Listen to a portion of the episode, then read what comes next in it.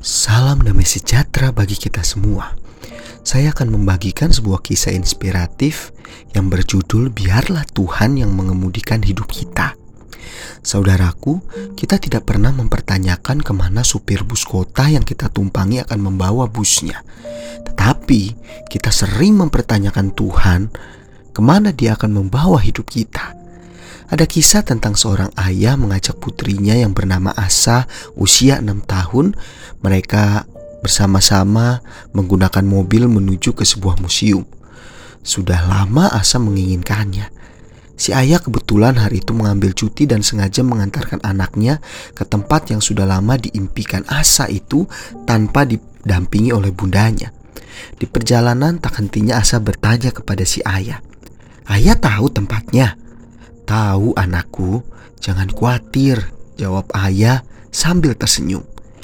Emang ayah tahu jalan-jalannya? Tahu anakku, jangan khawatir. Benar tidak kesasar ayah? Benar anakku, jangan khawatir. Jawab ayah tetap dengan sabar. Nanti kalau asa haus bagaimana? Tenang anakku, nanti ayah beli air mineral.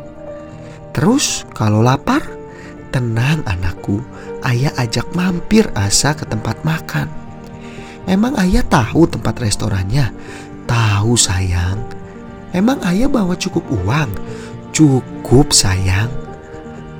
Kalau Asa pengen ke kamar kecil, ayah antar sampai depan pintu toilet wanita. Emang di museum ada toiletnya? Ada sayang, jangan khawatir. Ayah bawa tisu juga bahwa sayang jangan khawatir Kata ayah sembari membelokkan mobilnya masuk ke jalan kecil karena jalan utamanya macet Kok ayah belok ke jalan jelek dan sempit begini? Ayah cari jalan yang lebih cepat supaya kita bisa menikmati museum lebih lama nanti. Tidak berapa lama Asa kemudian tidak bertanya-tanya lagi. Giliran sang ayah yang bingung. Kenapa Asa diam sayang? Iya, Asa percaya ayah. Ayah pasti tahu. Ayah pasti akan antarkan Asa ke museum yang Asa nanti-nantikan. Saudaraku, tidak jarang kita seperti Asa si anak kecil ini. Kita bertanya banyak hal mengenai apa yang kita hadapi dan terjadi dalam hidup kita. Tidak jarang terlalu banyak kekhawatiran apa yang akan kita hadapi. Padahal sesungguhnya Tuhan sedang mengemudi buat kita semua. Memang kadang ia membawa kita ke gang sempit yang barangkali tidak enak. Tetapi itu semua untuk menghindari kemacetan di jalan yang lain. Kadang ia memperlambat kendaraannya, kadang mempercepat. Semuanya ada maksudnya. Ada baiknya kalau kita menyerahkan semua hidup kita dan juga hal-hal yang di luar jangkauan kita kepadanya. Biarkan Tuhan berkarya atas hidup kita.